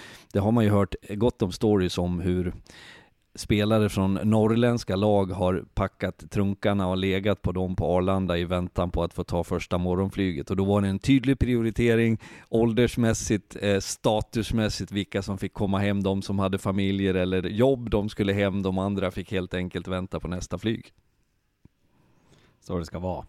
Eh, vi, vi har en grej vi ska ha tagit ut som vi ska summera lite grundserien här, men innan det så tycker jag att vi ska gå utanför poddens ramar. Vi tänker utanför boxen. För eh, de som lyssnar på det här är hockeyintresserade och det har ju varit ett eh, sällan skådat drama den här veckan. Brynäs eh, förlust mot Timrå borta. HV eh, vann 3-0 mot Skellefteå, hemmaplan i tisdags och säkrade SHL-spel nästa säsong. Nu väntar alltså ett kval mellan Brynäs och Malmö inför eh, då att vi vet att ett av de lagen spelar i Hockeyallsvenskan nästa säsong. Vad tänker ni om det? Att det blev Brynäs och Malmö, att eh, HV, som du sa Fredrik, ryckte upp sig sen Johan Lindbom tog över rodret? Det är ju jag, jag, jobbade i lördags i SHL-studion och då hade vi ett eh, paket inför den matchen på kvällen som var Brynäs mot HV71 som möttes då så sent som för två säsonger sedan i det negativa kvalet där man hade lite matchbilder, sekvenser, mål, tacklingar och sen rundades det av med intervjun med Stefan Lillislund som då var tränare i HV71. Eh, och jag eh, fick en flashback till det tillfället, jag som säkert väldigt många andra såg det där. Och jag, det enda jag fick, då, då är inte vi i bild då i studion när det här visas och så hör jag liksom i örat att det är 20 sekunder kvar av det där repet och så ska vi gå i sändning. Och jag fick verkligen fokusera på att inte sitta med tårar i ögonen när vi kom tillbaks. För att jag känner så starkt för de där situationerna, för det där är ju det som har skett med den här förändringen. Det är klart att det har varit sorg och bedrövelse tidigare i en kvalserie och så vidare, men det här är så utmanande för så många människor, för, för, för klubbarna, för personal i klubben, för supportrarna, som jag inte tror att vi vanliga förstår förrän man står inför det där. Så att det som kommer att ske mellan Malmö och Brynäs är ohyggligt tufft. Eh, sen finns det en sportslig eh, knorr naturligtvis i att det är häftigt att se vilka som klarar av att hantera det där under press och så vidare. Men vi vet att ett av de lagen kommer att åka ur och vi vet också vad det kommer att innebära. Mm. Ja, det är en tuff situation. Brynäs har varit där. De vet också, man ser på de här ledande spelarna hur mycket liksom, det tynger dem senast de var där och man märker på intervjuer nu också att det, det är ingen rolig sits de hamnar i, men man har hamnat där på grund av att man inte har träffat rätt i spelet. Och Brynäs sticker verkligen ut med att man med tränarmannen har inte fått spelet att funka. Malmö har varit där länge nu, tycker man ser bättre ut, man ser kompaktare ut, man har liksom varit färdiga med tänket att man kommer hamna där ganska länge nu och då kan man också på ett helt annat sätt mentalt gå in i de här bästa sju matcherna som jag tror kommer bli fördel Malmö. Jag såg ju Malmö, jag var nere i Malmö i tisdags och kommenterade Malmö mot Leksand. Ett Malmö som vann med 4-1 mot Leksand. Ett Leksand som för övrigt var fullständigt bedrövliga. Alltså det var, jag förstår inte att Leksand har varit topplag som de spelar. För det, jag tror att KB 65 hade skapat klara målchanser på Leksand i alla byten i den där matchen. Det var som att alla slutade spela hockey på egen sida, eh, mittlinjen på något sätt. Malmö dock med mängder av juniorer med sig till den där matchen spelar ju otroligt starkt och har fått till ett försvarsspel som ju ser riktigt bra ut. Och det kanske hänger ihop då med att de fick Leksand att se, eh, se sämre ut såklart. Men Malmö, alltså vunnit nu fem raka matcher. Eh, fått bygga upp ett självförtroende i truppen. De har fått Kim Rostad att börja se bättre ut efter att han kom in. De har Anton Wahlberg med ung frenesi och liksom med världen framför sina fötter i första kedjan. De eh, har Marcus Sylvegård som har träffat formen. De har fått bättre målvaktsspel på Adam Werner. Eh, Malmö, eh, jag fick upplevelsen av att Malmö är på en ganska bra plats inför det där kvalet. Det, det, det, som, det enda vi vet är att vi inte vet. Jag bara går för vår egen skull tillbaks till ett år när det var Timrå mot Djurgården där jag tror att väldigt många, en överväldigande majoritet, eh, trodde på Djurgården på förhand grundat på det man hade sett under serien. Och precis som vi pratar slutspel så blir det också andra faktorer som, som sker naturligtvis i ett negativt kvalspel. Men ni, jag tycker ni är rätt ute där i att Malmö har också eh, visat prov på någonting här på slutet. Eh, de har förstått lite tidigare att det skulle landa i det här och att man kommer få spela.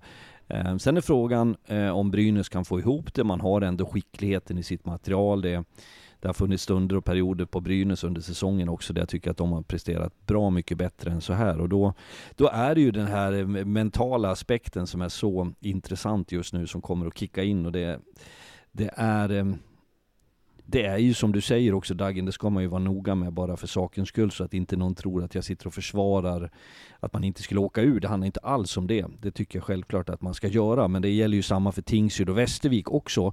Även om inte det är lika mycket pengar på spel där på samma sätt. Så att det här, det finns andra delar i det. Men att det är, det är så svensk idrott ser ut och ska se ut. Att man, man kommer inte undan om man inte presterar tillräckligt bra. Men jag tror man ska ha en viss förståelse för att det är ett helvete rent ut sagt för många inblandade. Mm, sen har vi ju en tendens att prata om det negativa kvalet, jag tycker att det när de här matcherna kom in så har det varit ganska lite intresse, jag tycker vi ska prata om den här toppstriden. Nu är ju, sitter jag i Växjö, Lakers, man kan ju ta seriesegern ikväll, Skellefteå ser bra ut, det blir, alltså SS-slutspelet kommer ju också bli, vi pratar om att de är topp 6 i Hockeyallsvenskan är jämnt, men alltså SHL, det är Får jag bara fråga vad du menar med att det var ett litet intresse? Vad menar du? Att vi, eller att... Nej men vi, vi, nej, men vi pratar mycket om eh, att det negativa kvalet innan man kommer in i negativa. Sen under kvalet tycker jag att det typen av intresset eh, svalar, eh, det svalar lite, säger jag, svala. Men ni förstår vad jag menar, att det, liksom, det blir inte lika stort intresse när matcherna är igång. Däremot pratar man om det här kvalet väldigt, väldigt länge, men när det är väl är igång, tycker jag att intresset att, att dala väldigt mycket under den här det blir ju väldigt dålig hockey eh, för att det är så mycket ångest inblandat. Mm. Jag har rakt motsatt bild där. Vad intressant. Mm. Hur går det med kort, äh, kopplingarna i hjärnan Fredrik? Du får ju säga någonting, det är en podcast, du kan inte bara sitta och kolla på skärmen. Nej men, nej, nej, men jag, jag svarade, jag har rakt motsatt bild. Ja, då får du göra argumenteringen för varför. Nej men varför, jag tror att vi, varför ska argument, argumentera om det. Alltså jag, jag menar jag bara att, jag, jag, så, så ser inte jag det, men det, det är kanske olika vad man... Kanske också, där ska vi nog lägga in en faktor, kanske olika var man befinner sig någonstans. Eh, om man säger, jag bor så i Leksand. Det är ingen hemlighet att Leksand under 20 års tid har varit inblandad i kval. Jag vet att det har varit ett extremt fokus. Och jag uppfattar nog också jag har inte koll på tittarsiffror och så, men jag, jag, gissar att det är, ett, det är ett... Och det i sig kan man ju ha en åsikt om, varför vi bryr oss om det negativa. Men jag tror att när det blir så mycket känslor inblandade så tilltalar det hockeypubliken när det står så mycket på spel. Det tror jag med, men jag tycker att spelet inte tilltalar när det blir de spel. Och Nej, då nej, tror jag man det är en- tappar många som inte eh, vill se den hockeyn. Ja, vi är, vi är helt överens om att vi inte är överens på den punkten, men vi kan ju konstatera att det är ju, Johan Hemlin var intervjuad såg jag av Sanny Lindström i matchen HV-Skellefteå i egenskap av sportchef i SHL ehm, och fick just den frågan. Och han pratade ju också om att det är klart att vi ska titta mer på, på det ljusa och det vackra, men jag, jag tror att det är det som gör svensk idrott eh, så intressant och att vi fortfarande har den här öppenheten mellan eh, ligorna och möjligheten att ta sig upp och ner och då blir det ju såklart ett, ett moment som också eh, det är sämre hockey tveklöst och det vore väl själva fan om det var bästa hockeyn för då hade vi en upp och nervänd tabell. Men, men eh, det är en del av vårt DNA tror jag att, att eh, känna ångest med andra. Ja, det är, väl empatikortet man, eh, man drar in där. Man vet hur, hur jävligt det är för folk som befinner sig i den där situationen. Det är bara intressant bara som du nämner om Växjö där, eh, Dagen. Växjö alltså 0-1 eh, mot Linköping, vänder på eh, vad är det, någon minut så vänder de det till, till seger. Medan Skellefteå då fem senaste matcherna gjort två mål på fem matcher och det, det har ju kostat dem grundseriesegern med, med allra största sannolikhet. Nu vet vi svaret när, när folk lyssnar på det här så det kan ju bli det annorlunda. Eh, Växjö leder med tre poängs marginal men det är ju ganska stor skiktningar där. Jag tänker att vi därmed ska gå vidare till våran eh, punkt som vi har inför den här podden. Eh, och det är den att vi ska, vi har plockat ut tre grejer var som, har, som vi verkligen kommer att minnas från den här säsongen. Det kan vara spelare, det kan vara lag, det kan vara händelser. Och vi kan väl eh, börja med det. Och, eh, Dagen, vill du börja då med eh, en av dina punkter som du har, som du kommer att ha som starkaste minne från den här grundserien 2022-2023? Ja, men vi har tagit ut en spelare, Linus Widell har vi pratat mycket om, jag tycker han har bedrivit en egen cirkus där ute, jag tycker han har drivit det här Södertälje på helt egen hand, har under stora perioder spelat med utländska spelare som inte har varit tillräckligt bra, han har liksom drivit dem, både kedja men också laget framåt. Seriens bästa spelare, helt klart.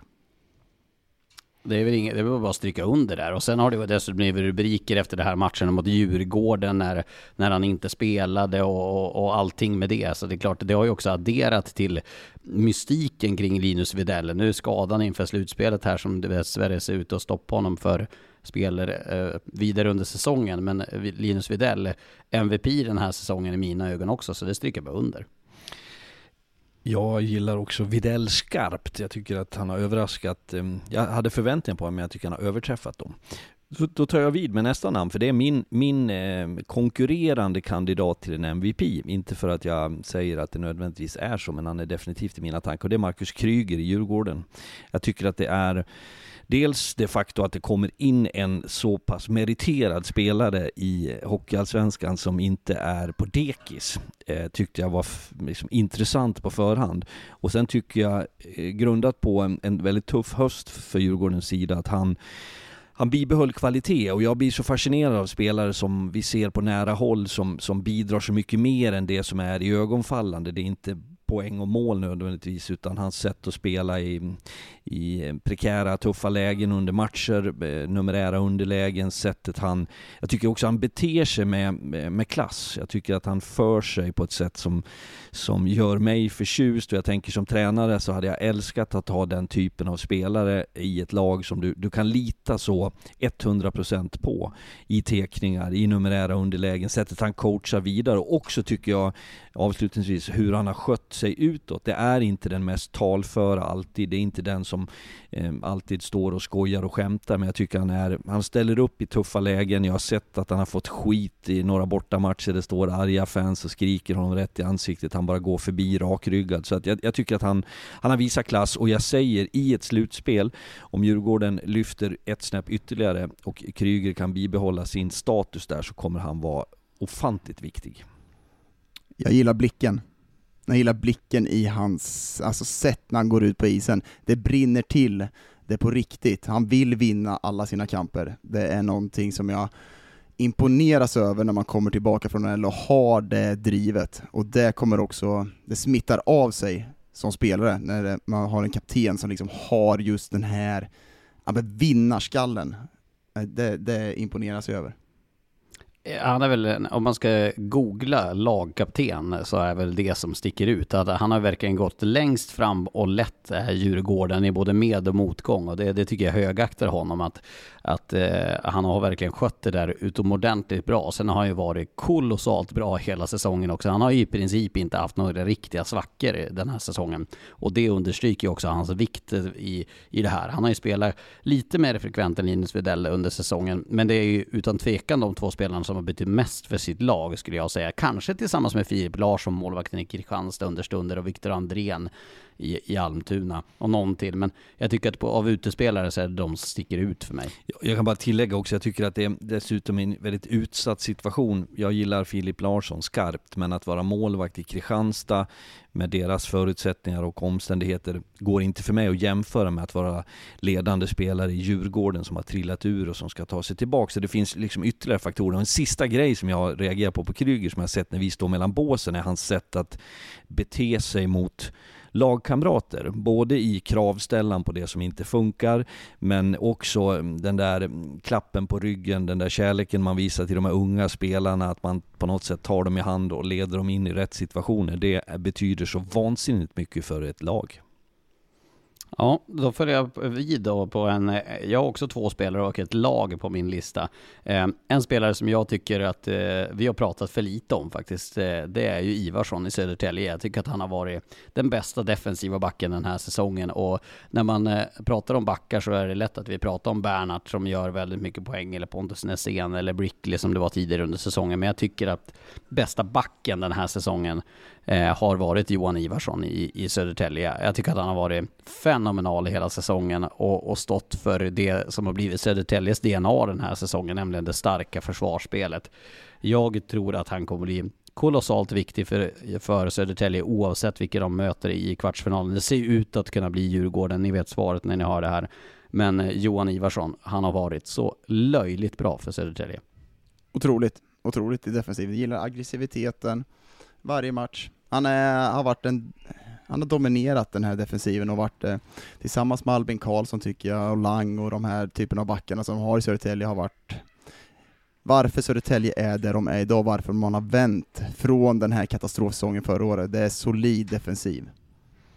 Till vårt försvar ska jag väl säga att eh, vi har absolut pratat om honom. Eh, och jag tycker Ja, absolut, du är absolut. rätt ute som har honom på listan, för han har varit väldigt bra. Och jag vet att vi har haft specifika rit på honom i några studiosändningar, vi har pratat om honom i podden. Och jag, för mig personifierar han Södertäljes framgångar den här säsongen med det enkla, med det rejäla och med det konsekventa. Och det här har ju du eh, en liknande person, eller en liknande spelstil på din lista, Daggen. Stora stycken. Daniel Rahimi, men det är ju inte för att han är han är en av de bästa defensiva backarna i den här ligan. Återigen den här säsongen bidrar, men det är ju den offensiven som sticker ut i år. Poäng, rekord i Hockeyallsvenskan i den här gamle mannens kropp. Leder alltså skytteligan på sex mål för backarna i Björklöven. Bidrar offensivt också just nu och det är väl kanske inte så svårt säger ni, med Kilke och de här framför sig. Nej men någonstans, han gör mål, han bidrar, men det är fortfarande den här defensiven som är så stor och stark framför mål, men också sätta stopp i spelet som jag är imponeras över. Det som talar emot det faktum att han skulle vara offensivt är att han har ett, ett ut, an, kroppsspråk, ett ansiktsuttryck varje gång han gör mål. Nu, vad är det, sex gånger han har gjort, så det är inte, det är inte Schilke och Poli nivå på det, men som att han är förvånad själv. Och det tror jag, snacka om att vara inknuffad i ett fack, och det beror helt enkelt på vad han har gjort över lång tid, så är det ju inte kanske det som kännetecknar honom, men, men jag tycker också att det alltid är charmant när spelare som är kända för en sak gör någonting annat. Det är lite uppfriskande tycker jag. 21 poäng i år. Ja, det, Det, är är imponerande riktigt faktiskt. bra. Alltså. Det, det är ruskigt imponerande. Jag ho- hoppar vidare där och Fredrik, så får du ta efter. Men jag har ju även med, eh, alltså favoritspelare, det är ju inget att sticka under stolen med om att Pavel Bure var min största idol när jag var liten. Nummer 10 eh, och The Russian fan. Rocket, allting med det där. Det, jag tycker att det var så otroligt häftigt och fick mig intresserad av hockey vid unga år. Och jag vidhåller ju att eh, Hockeyallsvenskans svar på Pavel Bure är Anton Heikkinen. Jag tycker att Anton Heikkinen har varit eh, chockerande bra nästan den här säsongen. Han har tagit det här steget via Kristianstad, Södertälje, det har funnits en talang där, det har funnits det Akademik Tinac också, som har tagit steg lik eh, väl med honom i den duon, men jag tycker att Anton Heikkinen har varit ruskigt bra och jag ska bli ruggigt förvånad om det inte är SHL-lag som är och rycker i Anton Heikkinen till nästa säsong. Och han tycker jag har varit Ja men eh, även om Persson och, och Ljunggren kom igång här i november eller något sånt där så tycker jag ändå att Heikkinen och Mikitinac har varit de bästa i Mora sett över hela säsongen. Jag tycker att de i princip aldrig är dåliga. Och dessutom det här drivet i skridskoåkningen, det, det är en power forward men ändå med finess och, och skills. Nej, jag tycker att han är ruggigt bra. Jag har ju också en förkärlek till Pavel Bure. Skottet i skäret, precis som Heikkinen har. Vet du vem min tvåa är på listan över favoritspelare? Fedorov. Som kanske Exakt. Och där har du ju, där har du Micke Tinac, de spelar ju tillsammans. Sergej Fedorov, vita Nike-skridskorna. Äh. Nu kan det bli risk för vattenskada i Mora om de skallarna exploderar efter det här. Jag, jag ska Får vi in Alexej Kovalev i, i Axel Sundberg där också? få- f- eh, jag, jag tycker på Heikkinen också att det är alltid, de, de, de är bra de här exemplen på en spelare som byter från en ganska blek tillvaro i Södertälje, kommer in i Mora, eh, får ett litet lyft, eh, uppenbarligen svarat på coachning, på träningsnivå, på hela sin egna satsning. Jag- blir lika glad varje gång spelare, när poletten trillar ner och när de levererar. Och jag tycker de har ju skapat en situation där han har, har varit gynnad av det, så att Heikkinen är eh, absolut ett utropstecken den här säsongen. Mitt andra namn på listan var Mikkel Ågård, eh, Modos dansk. Eh, och eh, den huvudsakliga anledningen eh, till att han är där kommer snart. Han har ju gjort sina poäng, han levererar i en stjärntät miljö eh, där han, eh, precis som de andra bra spelarna på något sätt har, har fått en konkurrenssituation. Men jag kan känna flera saker. En är att han har tagit den kampen. Han har på något sätt fortsatt att bevisa och leverera även om det har varit vetskapen att om inte jag gör det här nu i PP, om inte jag gör det här, han har ju bäst siffror eller hade då när vi plockade upp honom lite extra i fem mot fem, så kommer någon annan att ta min plats. Men det huvudskälet till att jag har honom där är hans känsloregister. Jag, jag tycker att för mig är idrott generellt och hockey i synnerhet eh, en sport som, som där känslor ska finnas med. Där du ska kunna vara förbannad och irriterad, du ska spela tufft och fysiskt, du ska vara på gränsen, men du ska också kunna Eh, visa med hela ditt kroppsspråk och ditt ansikte att du älskar det här. Och han är en av de gladaste målskyttarna, han har någon karisma som eh, man kan tycka är betydelselös i huruvida du är bra eller inte, men det är inte så. Det, det, det finns en attraktionskraft för hockeyn som sport och för Modo som lag med spelare som har den auran kring sig. Och det tycker jag är bra och det kännetecknar Mikkel Ågård och det är en profil i ordets rätta mening. Kan bolla med. Gillar också det, om vi pratar Vidells eh, styrkor, att skapa saker på egen hand. Det är ju precis det Micke Ågård kan göra också. Men jag går in på ett lag, Östersund, vi har varit inne på dem, charmtrollen där uppifrån. De har ju verkligen levererat berg och dalbana som sagt hela säsongen. Men kul att se en nykomling som klarar sig kvar och verkligen tar för sig den här ligan och fått det imponeras över med Östersund, att det började bra, gick ner och man hittar verkligen rätt under säsongen, någonstans hittar en stabilitet som gör att man stannar kvar också i Hockeyallsvenskan som jag imponeras över. Det är svårt som nykomling att hitta en kontinuitet, men det är också svårt att hitta rätt efter man har kanske kommit ner de här djupa dalarna och det har man haft gjort med ett starkt ledarskap som har kommit in med Kjell-Åke som har, har verkligen varit om Östersund är charmtrollet så är han stora stora charmknutten som står längst fram där. Och eh, vi har pratat ganska mycket om Östersund, så jag tänker att jag, jag inte tar vid där någon, någon mer, utan då, mitt lag som sticker ut, och det här är ju då någon sorts minne av säsongen om man ska summera det här. Men det har ju varit eh, det har ju varit intressant från sidan att följa Västerås kamp eh, för eh, nytt kontrakt får man ju nästan säga. Västerås har ju gått igenom alla stormar och oväder. Det Stockholm blev drabbad av tisdag och onsdag, det är, det är ingenting jämfört med det som Västerås har dragits med, de stormvindarna som har varit där. Eh, nu tycker jag att man har fått ihop det här bra till det kommande åttondelsfinalspelet som kommer nu i helgen. Man har lyft spelet ordentligt. Man har fått in de här Dover Nilsson och Simon Robertsson som jag tycker har adderat någonting. Jag tycker flera fler spelare ser bättre ut. Anton Svensson börjar göra mer poäng. Jag tycker att eh, Johan Gustafsson har blivit bättre. Eh, så det är klart att Västerås, det har stormat mycket där med, och det kommer man såklart minnas nästa säsong, för vi minns ju hur Södertälje var i fjol. De klarade sig med en hårsmån kvar i Hockeyallsvenskan.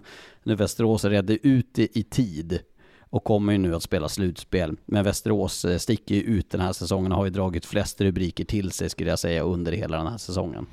Jag håller ju Västerås som en, en eh, uppfriskande del av Hockeyallsvenskan. Jag vet att vi har eh, gått hårt åt dem, eh, men det har inte varit orättvist och det har inte varit orättfärdigat, utan man har ju haft en, en hög ambition, man har inte lyckats och det har ju varit saker som har skett under säsongen. Men den klubb som aldrig har haft det så ska kasta den första stenen. Så att jag, jag, jag, är inte mer långsint än så. Jag tycker också att de har gjort det. De har repat mod här på slutet och de kan säkert gå in i en åttondel och spöka lite grann. Men eh, någonstans så, så, behöver de göra ett omtag. De behöver tänka om, de behöver tänka rätt och de behöver eh, på något sätt starta om för att det här ska bli bra. Eh, du har också ett lag Fredrik. Ja men det har jag. Sist ut av våra eh, omtalade lag, Mora.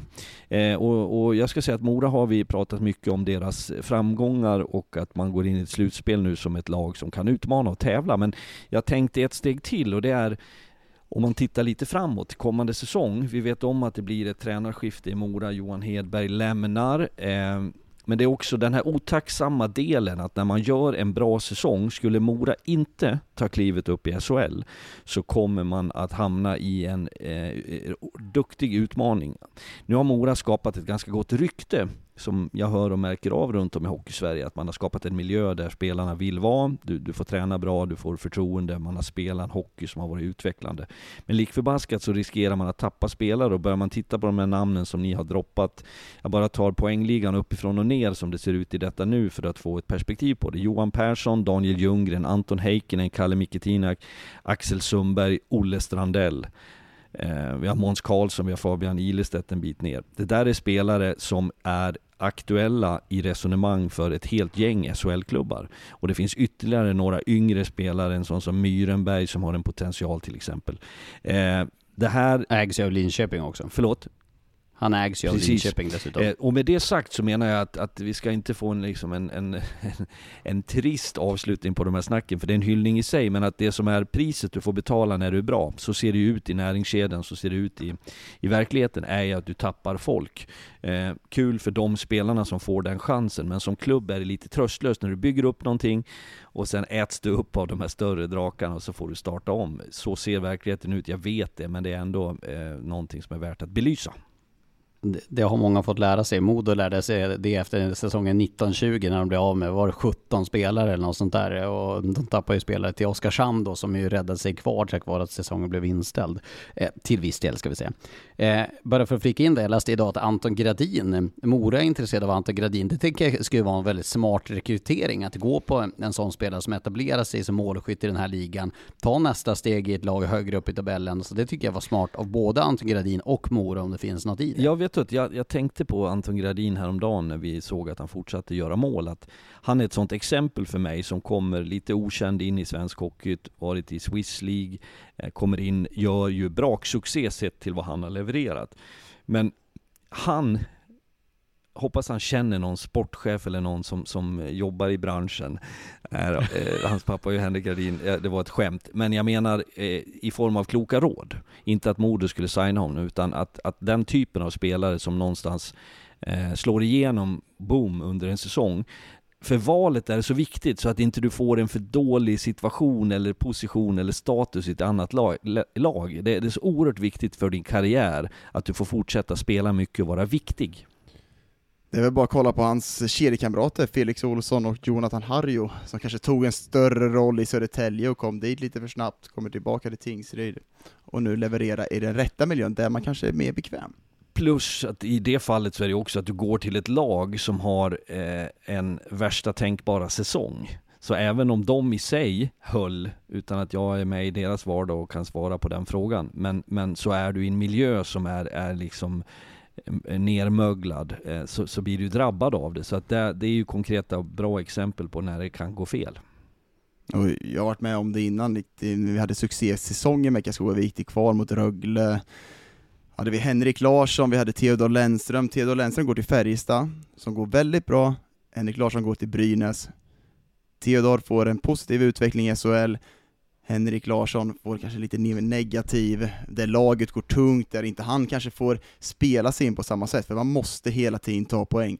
I Färjestad, Theodor fick chansen, man vann matcher, man får spela mer, få mer förtroende. Och det där är ju jätteintressant för det är ju helt rätt. Sen har du ju den andra tesen, hellre eh, stjärna i ett bondgäng än bonde i ett stjärngäng. Det vill säga, då får du en omvänd knorr på det är det bra att gå till en stor klubb för en spelare från en liten klubb där du får en blygsam roll? Alltså det där är ju olika teser och när det där, det är därför det finns inget givet svar på den här vägen du ska gå. Nej, det där, det där är den konstanta frågan. Eh, nu börjar jag snart måste avvika för att göra mitt jobb ikväll. Eh, jag hade tänkt att vi skulle prata om Hockeyettan och hur de tar sig upp mot eh, Hockeyallsvenskan och det kvalet, men jag tänker att det får vi ta nästa vecka när de har kommit ännu längre där. Eh, som summering eh, på den här podden så måste jag ta tillfället i akt. Jag är ju beväpnad med kniv här och skickar den rätt i ryggen ner i Småland. För Fredrik, noterar du att det var jävligt tyst i våran eh, sms-tråd i söndag kväll? Daggen, varför var det det? Kan du förklara varför det var så jäkla tyst i söndags kväll? När Manchester United mötte Liverpool. Hur, var, då var det jävligt tyst från dig. Jag var ju faktiskt tystast av alla, för jag kan inte bry mig mindre. Dock, jag vet inte om jag har sagt det här förut, jag håller ju på Arsenal, och de gör, går väl bra? Ja, de går ja, vad bra. Ja men det här är ju typiskt Liverpool, de bör vakna till liv, det har varit tyst hela säsongen, helt plötsligt får jag Jamie Carragher sitter med en 7-Up i sändning och det är lapp och lucka, kom ner på jorden Liverpool, för fan! Hur jävla vackert var inte det att ha satt med en 7-Up när de har vunnit med 7-0, det är så jävligt jag stängde, roligt. Sen stängde. Jag stängde av telefon, dels så sitter Harald Lykten och skriver 2-0 nu, 3-0 nu, 4-0, ja jag kollar matchen. Och jag fick Wessner, och det var, ah, det var Lars Lindberg, det var 500 miljoner sms som kom in. Men det är kul att Liverpool... Det Harald sitter och ser Liverpool-matcherna bara för att kunna ge mig skit. Han är inte speciellt intresserad av fotboll, utan bara för att när Liverpool går dåligt, ser du matchen? Och jag var... kan inte bry mig mindre. Jag är ledsen grabbar. Nej, jag ville bara få med det här i podden i alla fall. Jag var så genuint lycklig att jag äntligen fick se lite positivt Men det... Och så sen om, mot United, det var så jävla gött. Jag vågar ju verkligen inte slå tillbaka heller på alla de här smsen, för jag vet, det kommer ju slå tillbaka till mig. Så jag väntar tills säsongen är slut, får vi se vilka som ligger högst upp. Vi har ju, vi har ju ett bett jag och du Dagen, ska vi, ska vi göra det offentligt? Det kan vi göra. Det, vad var det? Jag sa ju att det var 15 mål som Mohamed Salah ska göra den här säsongen. Du påstår att det är 20, men jag, jag säger att jag sa 15. Salah kommer, Salah kommer aldrig göra över 20 mål. Då ska du ha, då får du en Ronaldo-tröja som du ska på, med, på dig. Eller så får jag en Salah-tröja. Det, det, det, får vi se om. Jag, jag vidhåller att det är mycket kvar av säsongen. Nu har Fredrik checkat ut. Jag ville bara få det sagt. Med det så summerar vi. Sista omgången fredag. Vi eh, kör från eh, Örnsköldsvik 18.30 Simor Hockey är det som gäller. Och sen är vi tillbaka nästa vecka med podd lagom till det att kvartsfinalen ska spelas. Och då vet vi också vilka lag som möts i kvartsfinalen. Så det blir jäkligt eh, spännande att snacka upp det i nästa veckas podd som kommer fredag nästa vecka. Vi grabbar! Det ser vi fram emot. Yes. Tja! Slutspel kommer. Vi ses och hörs alldeles eh, strax igen. Ta hand om er. Hej hej! Mom deserves the best and there's no better place to shop for Mother's Day than Whole Foods Market. They're your destination for unbeatable savings. From premium gifts to show-stopping flowers and irresistible desserts. Start by saving 33% with Prime on all body care and candles. Then get a 15-stem bunch of tulips for just $9.99 each with Prime. Round out Mom's menu with festive rosé, irresistible berry chantilly cake, and more special treats. Come celebrate Mother's Day at Whole Foods Market.